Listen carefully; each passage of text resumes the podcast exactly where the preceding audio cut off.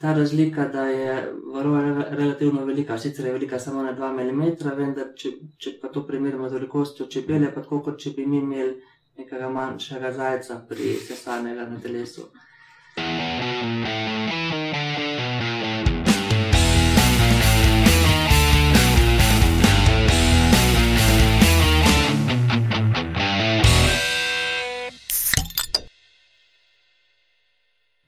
Lep pozdrav, poslušate 16. oddajo podcasta Metamorfoza. To je podcast o biologiji organizmov, ki vam jo predstavimo skozi tri rubrike: Novice ali ste vedeli in vaši posebneži.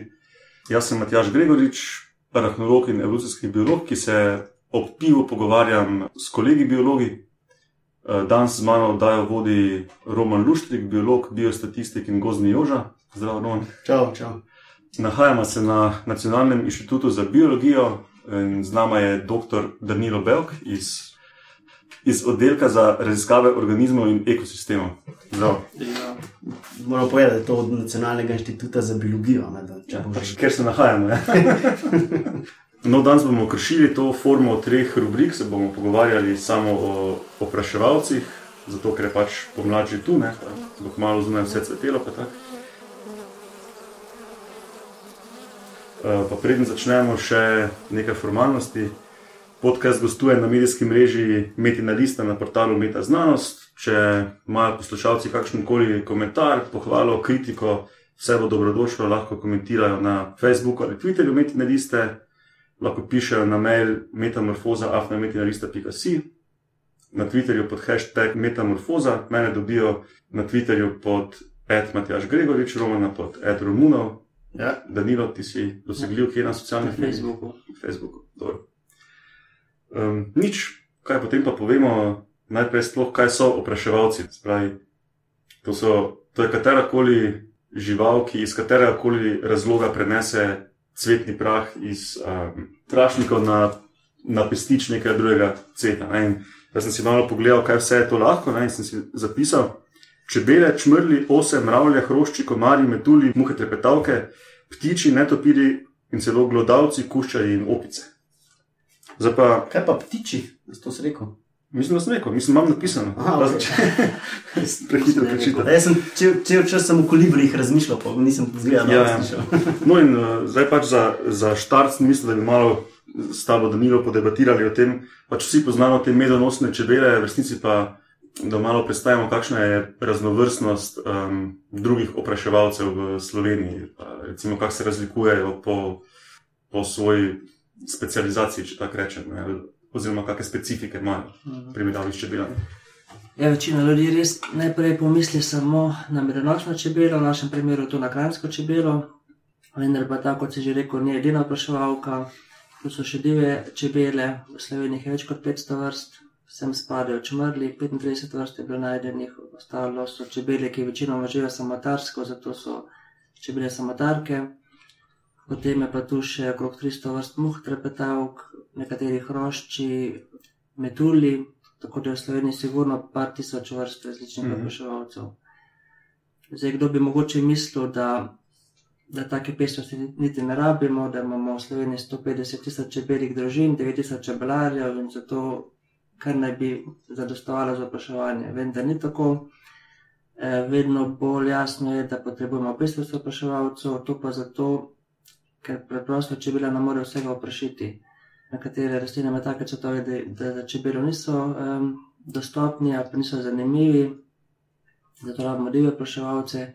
Potem imamo lahko tako vreme, da čebela ni dejavna, to je recimo pomladi zelo pogosto, v času cvetenja sadnega drevja je pogosto mraz, pa dež, pa veter, takrat če bele ne leta. Ja, to se zgodi med čmrli in eh, če ne bi bilo čmrlo, recimo bi pesadno drevo pogosto bi bilo veliko slabše oprašeno. To se včasih vidi, kakšna sezona je, ker jih tisti teden, ki češna cveti ja. in je mal mraz, če bele ne letajo in takrat skoraj nič ni češen po tisto sezono. Ne, ja, če ni, če ni čmrlo ali pa, pa mar si rame tudi kak čebelara, nekom kako predavanje, pa mi prije potem na koncu povedati, ja, da da je čebelar, ampak da vidi, da ima doma vem brezkev, pa, pa je slabo vreme, pa vidi samo čumrle. Uh Mhm. -huh. To je res, kar govorimo, ne da rabimo tudi. Se se spomnim, da si enkrat v enem intervjuju govoril, da čmrli bolj zgodaj začnejo, pa pozneje nehajo od dnevu, ne? da letajo tudi v slabem vremenu, Ja, se ja. reče, da, pa da so celo hitrejši, da več cvetov Ja. obdelajo v nekem, neki časovni enoti. Čumrli ima kar nekaj posebnosti, ki jih dela nedomestljive. In pa pogosto učitelji, sploh pomladi, rečejo, ja, da čumrli so sicer dobri opraševalci, jih je pa zelo malo, ne, kar je sicer pomladi res, zato ker pač mrtvih eh, preživijo samo, prezimijo samo eh, matice. A ne, zdaj, zdaj bomo nekaj tednov, pa celo mesec pa pol videli samo matice od čmrljev in teh je veliko manj kot je pa čebel, ki prezimijo v velikem številu. In potem jim očitajo, da, da jih je malo, da ne, da ne morejo veliko oprašiti. Vendar pa ni vse v, samo v številu, ampak tudi v kakovosti dela. Ne, Čmrli postanejo dejavni bolj zgodaj zjutraj, pa delajo do večera. Eh, V enakem času uh, oprašijo trikrat toliko cvetov Hmm. kot eh, čebele, potem so boljši prenašalci cvetnega prahu, ker so bolj odlačeni, pa še nekaj drugih posebnosti. Potem imajo daljše jezičke, zato lahko poskujejo tudi druge cvetove. Ne, in potem, eh, če vse to upoštevamo, vidimo, ne, da, je, da je tudi če je čmrlo manj, pa v bistvu ne opravijo manj dela kot pa čebele. Ni vse v, Ja. v, v, v kvantiteti, ampak je tudi v kvaliteti. To smo hotel omeniti, da pa si me zdaj prehitel, da v bistvu to, ko si rekel, da nekateri cveti niso zanimivi ali pa ne morejo jih oprašiti čebele, lahko čisto zato, ker je, kako se ne reče, globok Fizično, cvet, eno, ki ja. rabi dolg rilec. ne. Pa so to potem večinoma, zato je pa moje naslednje vprašanje, o, koliko, je bilo, koliko je prišlo do neke koevolucije med čebelami in čmrli z cvetnicami, v primerjavi z hrošči ali pa ptiči, če je to kaj znano, spravi, koliko, je, koliko so se skozi evolucijo pre- spreminjale cvetnice in čebele z roko v roki, recimo. Med cvetnicami, med žužko cvetkami in pa eh, čebelami, popraševalci, je, je dolga koevolucija. Čebele, oziroma rastline so cvetovi, eh, želijo privabiti opraševalce, bodi si z barvo, z vonjem, z vzorci. Zdaj so pobrali različne strategije, ne, na katere rastline imajo take cvetove, da privabljajo širok krog opraševalcev, nekatere se pa bolj specializirajo, nekatere celo tako, da privabijo samo en tip opraševalca, e- eno vrsto Mhm. opraševalca. E, Podobno tudi pri opraševalcih, nekateri so generalisti, oprašujejo eh, zelo različne rastlinske vrste, eh, nekateri opraševalci so pa specialisti, lahko se specializirajo samo za en rod ali pa celo samo za eno rastlinsko vrsto. So določene prednosti pa pomankljivosti specializacije. Zdaj, prednost z vidika rastline eh, je ta, da če, če ima neka rastlina samo enega opraševalca in pa ta opraševalec oprašuje samo to rastlinsko vrsto, sistem zagotovi, da bo cvetni prah sigurno prenešen na pravo rastlino. Je pa riziko takega odnosa, pa je, da če se kaj, če se kaj zgodi z opraševalcem, potem je rastlina neoprašena in obratno, če, če rastlina eh, izgine, je potem ima opraševalec težavo najti hrano. Tako da, da je veliko eh, opraševalcev, je generalistov, predvsem tisti, ki imajo eh, predvsem socialne, recimo čebele, torej medonosne čebele pač umrli, ker rabijo hrano skozi dolgo obdobje, pa velike količine. V tem primeru so generalisti, medtem ko so pa specialisti predvsem vrste, ki imajo kratek razvoj, ki so dejavne samo nekaj tednov in se potem lažje specializirajo samo na eno vrsto. Na tem je več uh, samotarskih čebel. Samotarske čebele, ja, medtem ko so socialne čebele pa zelo redko eh, specialisti. To sem še mislil kot pod vprašanje. Recimo, tako sem si jaz predstavljal, nekje sem zasledil, da naj bi ta koevolucija bila bistveno močnejša med, se tako sem razumel, čebelami v pač kot apide družina, se pravi čebele čmrli, ne? manj pa hrošči in metulji. in Tako vem, če je to res. Sem si bolj tako predstavljal, da če recimo mi podremo neke fenološke cikle, se pravi, kdaj žuželke odraščajo, oziroma kdaj cvetnice cvetijo, ne? ali z globalnim segrevanjem, ali s kakšnimi koli posegi v okolje, ko potem recimo uničimo teh nekih odnosov med, med specializiranimi čebelami, ki jih recimo ne morejo nadomestiti, ne vem, hrošči, muhe, trepetavke, metulje. Ste si to prav predstavljali? ali Je to čist narobe. Ja, v bistvu so opraševalci, pa rastline so sinhronizirane, ne sploh tisti, eh, v bistvu so je življenjski cikl opraševalcev in pa rastlin prilagojen čas cvetenja, v bistvu morajo biti sinhronizirani z dejavnostjo opraševalca in podnebne spremembe lahko ta, ta cikl, ta, ta odnos v bistvu prekinejo. ne. Mhm. In, in v tem primeru so bolj eh, ogroženi eh, specialisti, zato ker nimajo alternativnih možnosti. Ja. Če želimo ohraniti opraševanje, neko kar eh, je v sistemsko storitev, zelo pomembno, da varujemo pestrost opraševalcev, ker ti pestre združbe so bolj odporne na, Mhm. na take motnje, na take spremembe. Pa je kaj znano, koliko recimo teh motnj vnašamo, recimo z gojenimi travniki, s tem, da pač urejamo okolico zelo. Ja, gojeni Pregrozno. travniki so zelo problematični, ne, predvsem eh, dan so travniki obilno gnojeni, pogosto košeni, v bistvu so brez cveta in z vidika opraševalcev zelene puščave, na njih ni hrane. To prizadene tako domače, kot domače čebele, kot divje opraševalce. Mhm. Ja, v bistvu na, tem, na teh travnikih te vetrocvetke prevladujejo ne, in Ja, ja, nekako ni, trave. ni hrane, da bi uh, praševalci se lahko prehranjevali. Edina hrana je regrata, ne, ampak Ja. to je en teden, Mhm. potem je pa konec sezone. No, pa pozna- premalo, da bi se čimali lahko na Poznamo pa tudi hoje umet, recimo, ne, ker čebele hodijo v bistvu se na uši pas. Ne. Ja, to je. Delajo to tudi drugi opraševalci, veš, je to kaj znano? Ja, tudi sem že videl čumrle, ki so nabirali malo, ne malo, malo Ja, so te ja. zvočke uši ali pa kaparjev. No, bodimo iskreni, kaj to je. Ne? Ta hoje umet je v bistvu bruhanje kakcev, kakec, ne, bruhan ja. kakec. Samo to ni kakec, ne, se to ni iz... Stare, ni- ja, pridemo do zadnji Ja, ni iz prebavila, ne. Ja, To je okay. Da- zloček, detajli. sladek je zloček. Ja. In je, in je ti manjeni medovi so celo bolj eh, zdravi kot eh, cvetlični medovi, zato ker je vsebuje več mineralov. Aha, vidiš, vidiš. Nažalost, ni analogije za te izločke, da bi lahko se norce delal. Drugač pa, ne vem, bomo imeli to kasneje, ampak um, tudi uh, mogoče malo pristransko nas celo zadevo gledamo. Ne? Mi doskrat gledamo, kako prizadane na, naše delovanje nad medonosno čebelo. Ne? Lahko je pa vpliv na divje čebele še večji, ne? pa sploh ne vemo, zato ker se pač nihče ne ukvarja s tem. Ne? Ali pa zelo malo ljudi. Vsekakor so divji divji opraševalci, pa divje čebele še večjih težav kot medonosna čebela. Predvsem zato, ker mislim, divji opraševalci imajo iste težave kot eh, krajska čebela, plus dodatne težave. Ne. Isto jih ogroža pomankanje hrane zaradi intenziv- intenzivnega kmetijstva, potem pesticidi. in Pa bolezni, potem imajo pa še težave, s katerimi se pa čebela ne sooča, in v prvi vrsti je pomankanje gnezilnih mest. Čebele s tem Mhm. nimajo problemov, zato ker jim čebelari nastavljajo ali pa nastavljamo, se sem tudi sam čebelar, panje, v njih živijo, medtem ko pa so divji opraševalci prepuščeni sami sebi in danes je vedno, vedno teže najdejo mesto za gnezdenje. Ne, travniki so brez živih mej, potem obdelujejo se jih s težkimi stroji, ne, ki, uniči, ki uničijo gnezdišča, potem ni več slamnatih streh, v katerih so včasih gnezdile samotarke, eh, les ni več glavni gradbeni material, ne, v katerem so tudi gnezdile. Tako da so v bistvu divji opraševalci še v večjih težavah kot, kot eh, čebela. Samo tega ne opazimo, zato ker Ja, se, Se nihče ne za, ukvarja. de, za če, čebele opozoruje 9000 čebelarjev in karkoli se zgodi, če pride do pomora, se takoj Mhm. javi inšpekcijskim službam.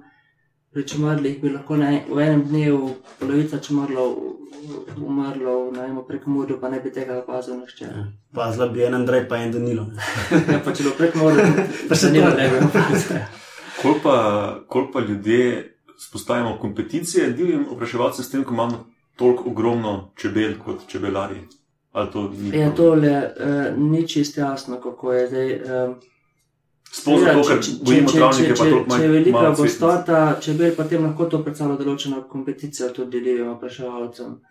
Je pa tako, ne, če pridemo čmrle, so postane bolj zvode dejavni kot čebele in v bistvu lahko oni že pospravijo Mhm. predelek, preden čebele sploh ostanejo zjutraj.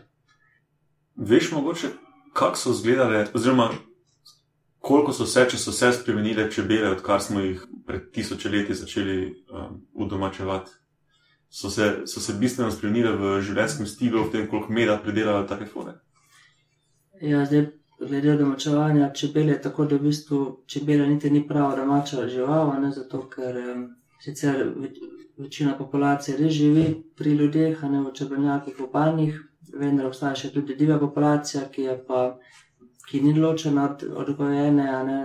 Matice se prosto parijo, tako da v bistvu kar je povsem drugačna situacija kot pri domačih živalih, Mhm, kjer je mhm. par kontrolirano. Te težje selekcionirati. In je no. tudi, ja, so čebele še vedno v veliki meri podvržene v bistvu divji, se- naravni selekciji, kot pa eh, medni. Mhm, mhm.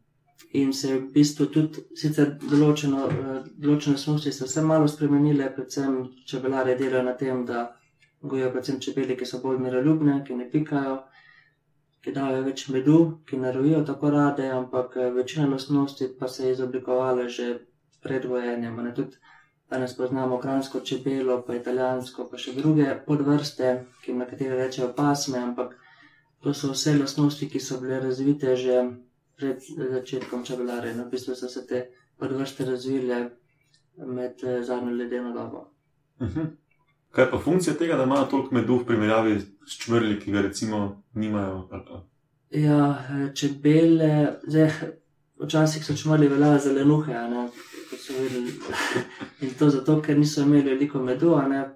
Nam so govorili, da kar, je, kar čmrli do povdne naberejo, pa povdne že pojedo, a ne so potem eh, rekli solenje, ampak v resnici je pa eh, razlog za to predvsem eh, to, oziroma samo to, da čebele popičajo velike količine medu, zato ker prezimujejo v velikem številu, a ne v čebeli družini, tudi po zimi lahko nek, tudi 20 tisoč čebel, ki rabijo hrano. Pri čmrlih pa prezimujejo samo mlade matice in še te otrple od tleh, zato ne rabijo hrane in zato se ne delajo velikih zalog. Mhm. Kako pa zgleda to prezimovanje pol? Pri čebelah. Pri čebelah. Ja. Čebele prezimujejo v, v panju, v tako imenovani gruči.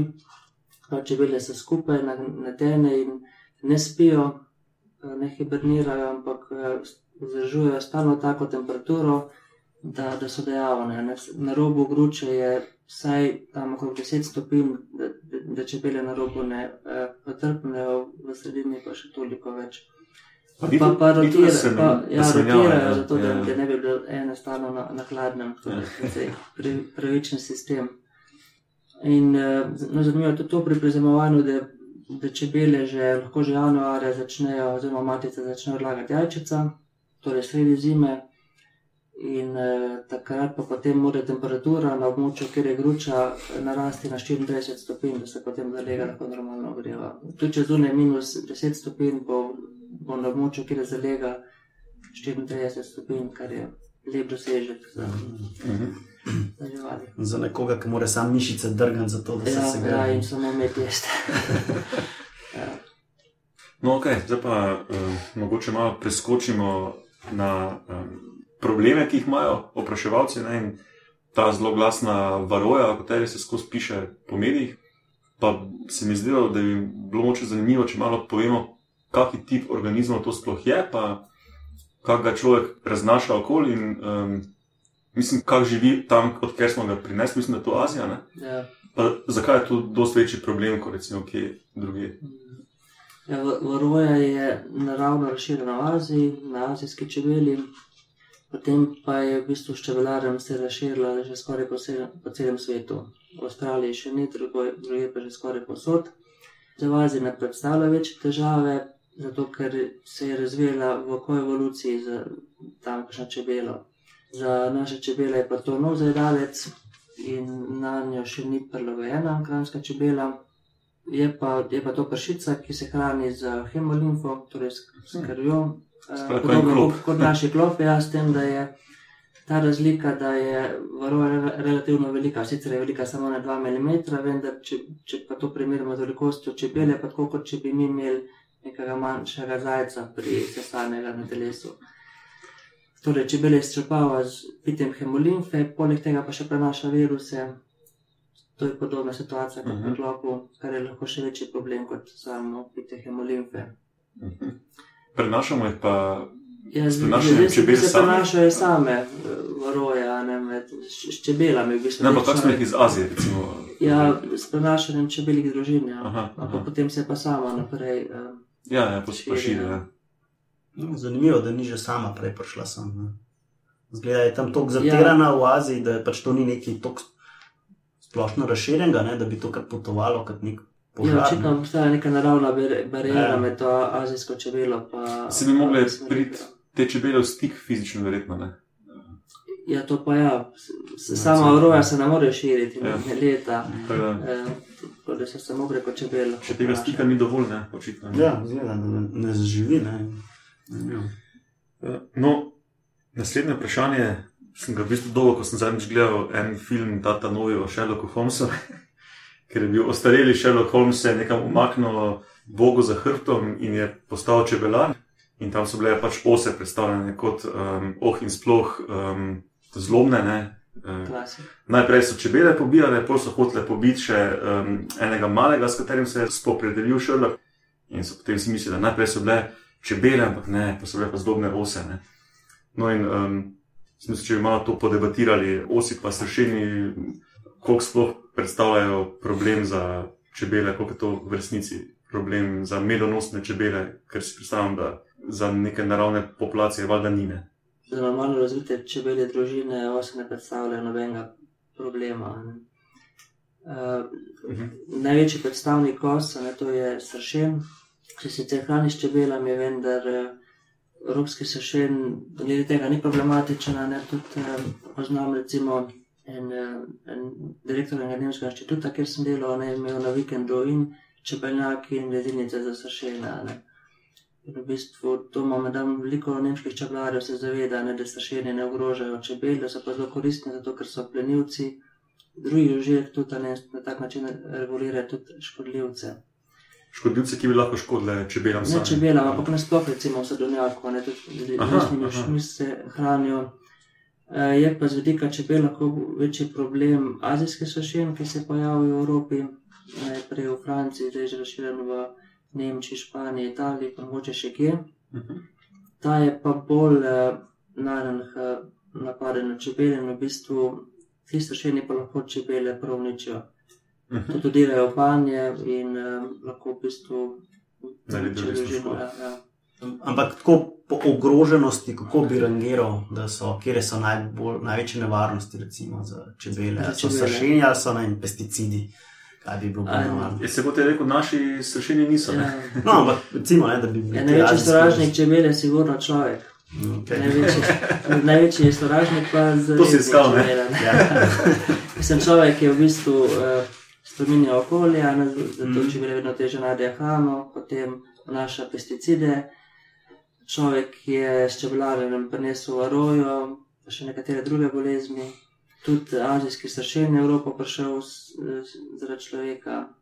Tako da v bistvu je največji sovražnik. Se ve kaj, če varoja lahko preskoči pod narekovaji tudi na čmrlje ali pa samotarske čebele ali pa. Ne, ne, ne, ne more, zato ker imam pač precej specifičen način razmnoževanja čebele zalegi. In, tako da, da Aha. ni nevarnosti, da bi se varoja prenašala na čmrlje. No. So pa nekatere druge bolezni, ki se lahko prenašajo s čebel na, na čmrlje in pa tudi obratno, verjetno. Mhm. Predvsem različni virusi. Sicer uvažanje čebel eh, v Sloveniji ni dovoljeno, je pa dovoljeno uvažanje čmrlov. Kot opraševalce za. Uvažajo jih za potrebe opraševanja v rastlinjakih. zato do tega bi prišli naslednjo točko. Zato ker- Res? Ja, čisto zadnjo. Ker v Sloveniji ni uh, laboratorijske zdaj čumrle, so vse čumrle za potrebe praševanja predežnika v rastlinjakih vozi.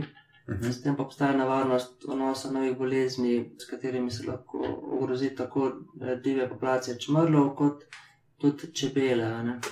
Pa obstaja tudi nevarnost eh, potem eh, križanja voženih čumrlov z No, to sem, ni, ni bilo to pred nekaj leti, da so neki nizozemski čmrli pobegnili, pa se no, ne- spali z našimi, pa se prehitro izlegli. nekaj. se, se v bistvu ni nobenih mehanizmov, ki bi preprečevali, da, da bi prišli v Ja, to ni v zaprtih prostorih, to Ja, ampak rastlinjaki niso uh, Hermetični. Ja, tesni, ja. pa tudi, pa tudi uh, vem za primere, ko potem te čumrle uh, prenesejo zunaj, pa potem Aha. Tako da do, do stika sigurno prej, tudi z genetskimi analizami je pokazano, Aha. da, da je do tega križanja že prišlo.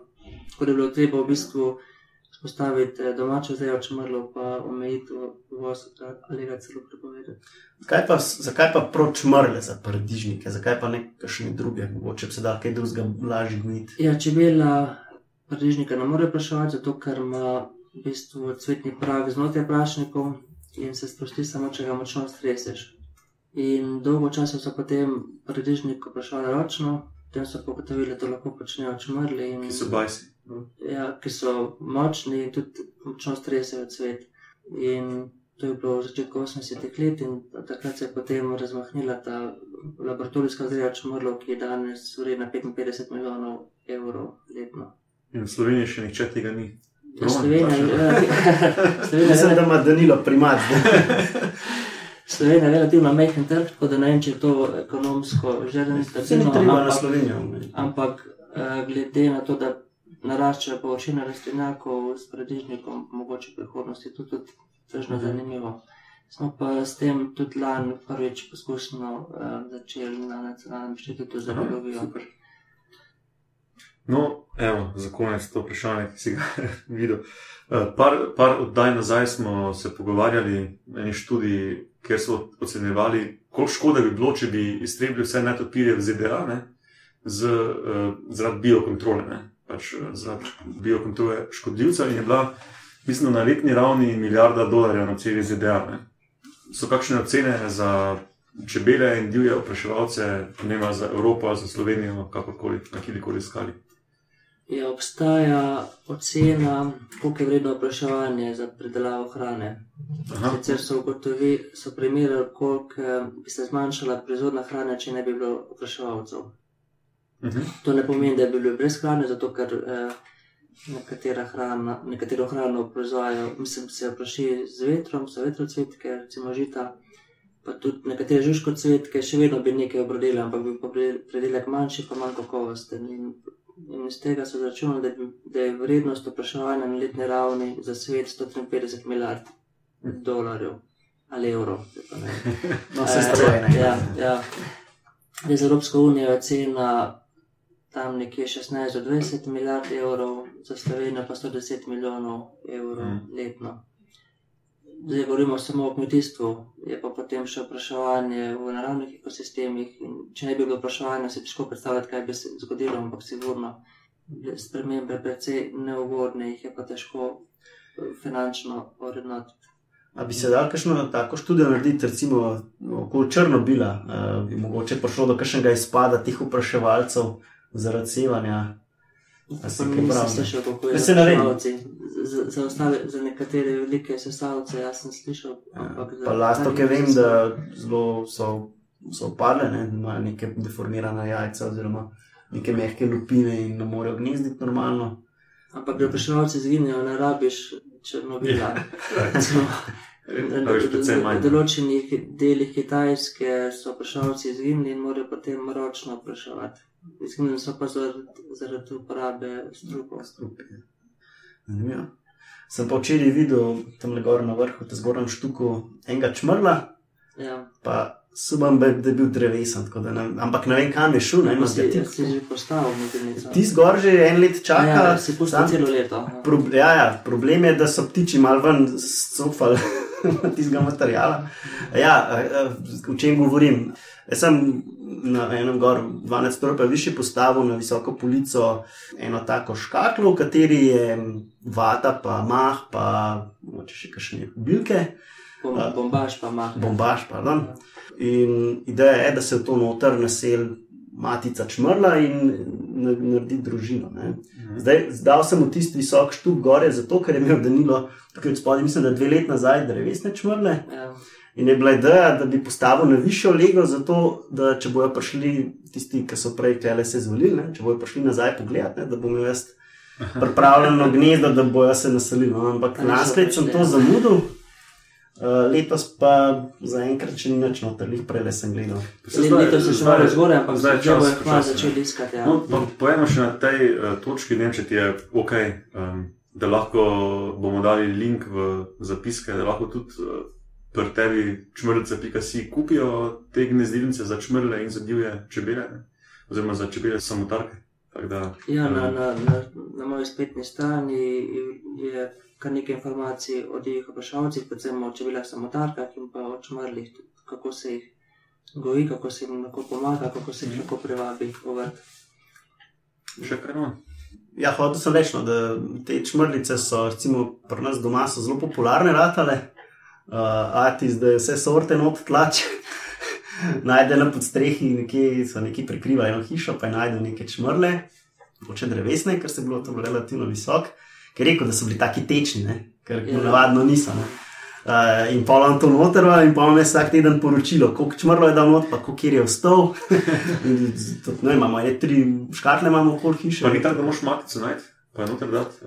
lahko Ja, obstajata dva načina. Lahko, eh, da čmrli sami se naselijo, ampak to rabiš nekaj sreče. Mislim, manj sigurno je, bolj sigurno je, če matico loviš, pa jo naseliš. Moš pa loviti Mhm. tako matico, ki išče gnezdo. Mhm.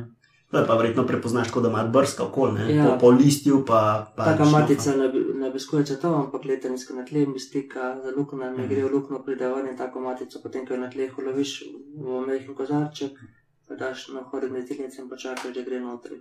Potem je pa za 10 minut zapreš, odpreš, no potem opazuješ, kako se obnaša, ko pride ven. Če samo z leti stran ni zadovoljna, če pa ko pride ven, leto okrog se ogleduje, se pa škusa že pomot lokacijo in potem velika verjetnost, da bo prišla nazaj. Se mislim, da imaš celo gnezdilnice za različne vrste, ne? da niso vedno en- Ja, enake. ali- dva tipa, za ene so z rovom, ene pa brez rova, zato ker določene vrste gnezdijo na površini v mahu, Ja. druge vrste pa, pa po zemlji.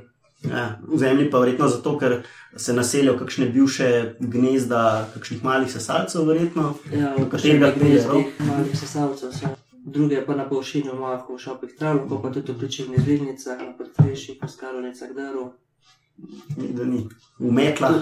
V metlah, v tudi že, vem za primer, ko so se naselili v Amari, ko so letos skozi strešno okno, pa, pa v Amaru. Sem se jaz preselil v to hišo, ker sem zdaj, ker sem menjal jogi, je bil noter opuščeno gnezdo čmrlov, pa pač pohen meh- mo- mrtvih čr- čmrlov. noter, ne. Tako da V žimnici, očitno se tudi da. Je bilo ja. Ja, jaz sem zdaj razmišljal, da bi čmrle naselila z šekiro tam pri hiši. Pa je takoj zdaj, ker je noseča na junija, bo Mhm. Jo, pa čmrli pikajo, ja, pa sem da še moče, pa potem tiste zvrtane za samotarske Ja, to to čebele. si- ne. Si da so čmorli večinoma miroljubni, drevesni čmorli ima bolj rahlih živcev, ampak eh, v takem primeru so potem mogoče bolj čebele samotarke, mm. tako sigurno ne pikajo. Če jih ne prijemaš in stiskaš. Ja. Ja, sej, um, pred leti je uh, Aljaš Jenič, če se nam motam, delal diplomo in je navezal na nogico in nekaj dlak, uh, cvera na neki tazgi in rekel, ja, od ne vem koliko čmrlov, ki je opremo s tem, ga je en v piču. Tako da pa jih je aktivno matro. Ja, Ja, drugače, bil. če čmrla primeš, stisneš načeloma, bi moral vsak pič, moral to previdno ja, delati. ja, zul, pač, ampak Ampak da bi pač moral v napadu, ko bi ga opazoval, ali gnezdo, recimo, ali pa, pa če prije v stanovanje, pa, pa ni, mm. nobene nevarnosti. Na to prej, ki um, si omenil, da si ogleduje okol, potem, ko matico zapreš, pa jo spustiš ven, pa si začne ogledovati, ne, ok, to bo pa zdaj za njo. Ne. Sem imel nekaj časa nazaj, uh, sem nastavil tako škatlo pred hišo, pa sem noter zaprl eno matico, prišla ven in tak, um, v tistem je prišla pa sosedova psička gor. Ne, in, Uh, jaz sem bil tam zraven, no, ona je prišla do mene in tista matica tam okoli leta, zgleda, da okay, to bo pa spusila in začne una psica jo napadati. Tisto, in jaz sem šla, ne, nisem več videl. Ja. Vse je stran od čmrla. Nima sreče, ravno. Ja, so, pa, so pa strašno zanimivi te čmrle. No. Ja, so zanimivi in tudi vedno več ljudi eh, jih opazuje. Da, Mhm. um, Ja, možno je tudi, uh, obstaja ena knjiga ne, v slovenščini o čmrlih. Ja, to je knjiga Čmrli v Sloveniji, Za ki jo je čuda. dala Čebelarska zveza Slovenije. eh, To je sveže, naj lani. Več. 2010 je bila A ja? prva izdaja, ja, potem pa Ja, vse leto. Ne, lani je bilo v čebelah. A ja, čebele Slovenije, ja. Lani so bile pa čebele Slovenije, oziroma imel v 2000 mislih, ja, 2014 uradno. Ja. Aha. Ja, in ta knjiga je tudi zanimiva. No, noter piše praktično vse, kar rabiš vedeti o čmrlih, pa kako jih prepoznaš. Pa, uh, No, bomo dali še linke do tega. Ja, mislim, jaz to priporočam. Ok. Nič, sneli smo dost. Še kaj. Ja, bom rekel. zdaj. E, nič, potem pa, da ni dopada, da si si vzel čas. Hvala za povabilo. Um, pa še enkrat hvala poslušalcem za poslušanje. Pa komentarji so vedno dobrodošli, pa ocene in mnenja na iTunesih so vedno dobrodošli, da, se, da nas še kdo drug najde. Tisti, ki imate preveč denarja, lahko tudi donirate um, ali pa pošljete pivo um, paleto piva na, na naslov metine liste. Ker Nataša Briški s predpisom Matjaš Gregorič. Ja, ja in to poslušam ja naslednjič. ne. Ajde.